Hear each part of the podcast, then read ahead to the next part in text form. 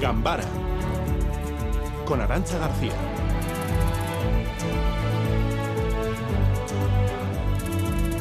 ...25 de octubre y 19 de noviembre los sindicatos, todos menos UGT, confirman la intuición de un otoño de huelgas en el sector público.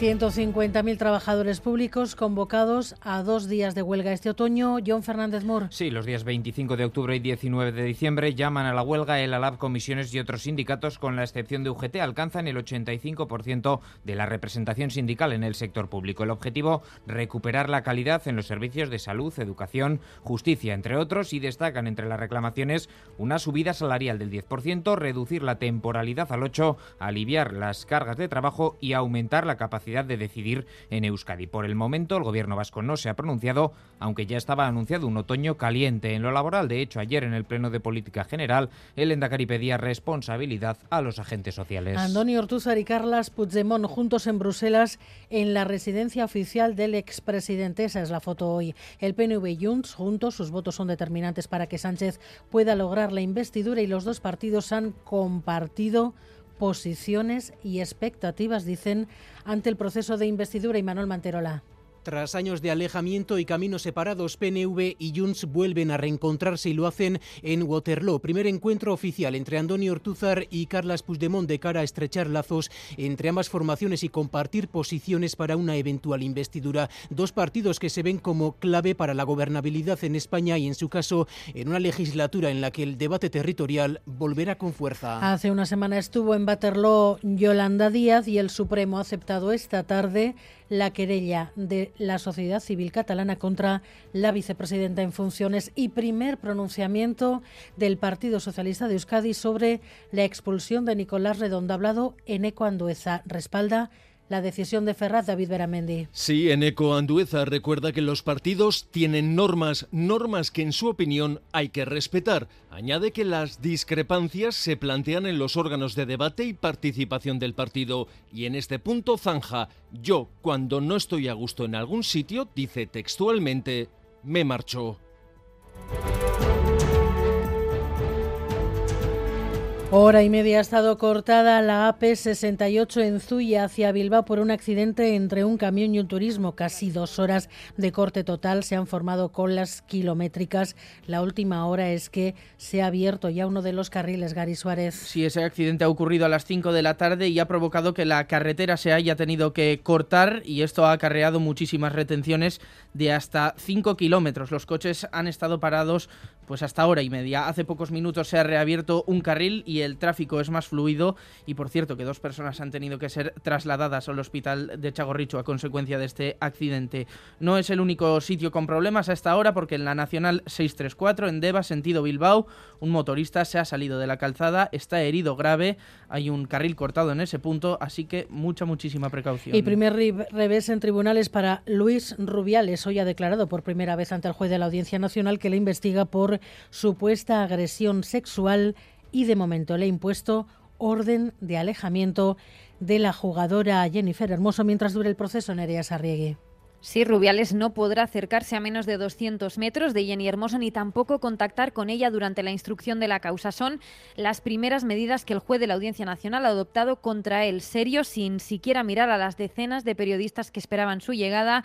Accedía a la Audiencia Nacional para negar ante el juez los delitos que se le imputan y repetir su versión, que el beso fue consentido y que nunca presionó a nadie para que lo defendiera. Y las jugadoras, entre tanto, mantienen el plante a la selección mientras el espíritu Rubiales se mantenga en la federación mientras sigan los que estuvieron trabajando codo a codo con el dimitido. Comunicado de 18 de 23. ¿Y ahora qué, Edu García? ¿Qué tal? Gracias, pues ahora esperar. De momento se voy a presentar hoy a la nueva seleccionadora, Montse Tomé, pero esa presentación me ha quedado parada. También la lista de jugadoras que tienen que participar en los eh, próximos encuentros eh, de la selección española. La próxima semana ya hay uno, el próximo viernes.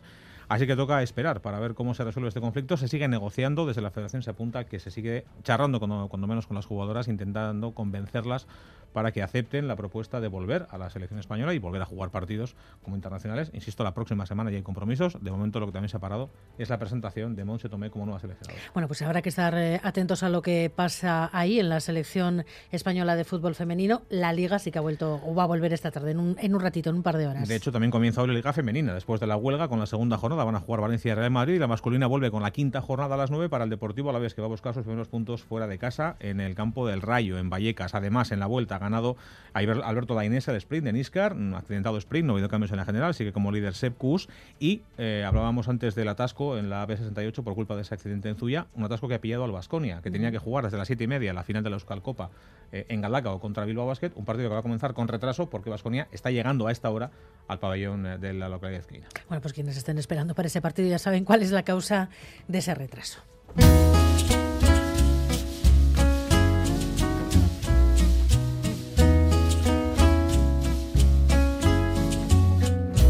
En el canto de las olas encontré un rumor de luz.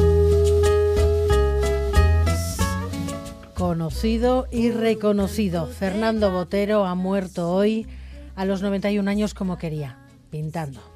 Es uno de los artistas más influyentes de los últimos tiempos y ha fallecido hoy a los 91 años de edad. Las obras del colombiano, ya fueran pinturas o esculturas, siempre han destacado por su estilo personal, llenas de figuras voluminosas, algo que le viene desde pequeño, según explicaba el propio Botero aquí en Radio Euskadi, en esta entrevista de hace 10 años. Desde mis primeras acuarelas en Colombia mostré cierta interés en el volumen, no sé por qué, pero era como una cosa intuitiva. Lo que hice fue que encontré una forma personal de expresar el volumen, porque el volumen se ha expresado en muchas formas. El propio Botero decía que muchas veces la gente malinterpretaba su arte la gente interpreta mal mis obras, la gente pues sonríe cuando ven una figura que sea un poco volumétrica, extraño, no sé por qué, pero es un fenómeno raro.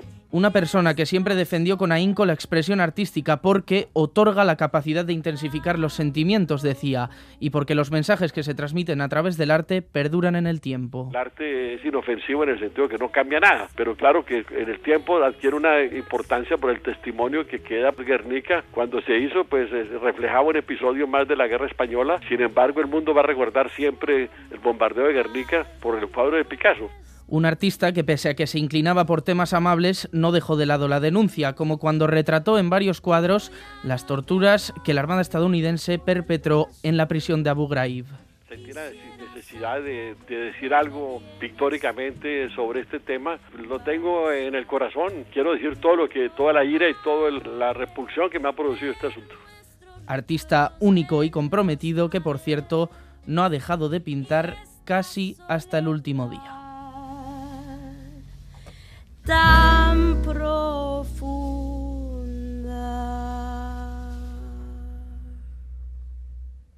que me cante el. Miguel Ortiz y Alberto Subel ya están en la dirección técnica, Cristina Vázquez en la producción.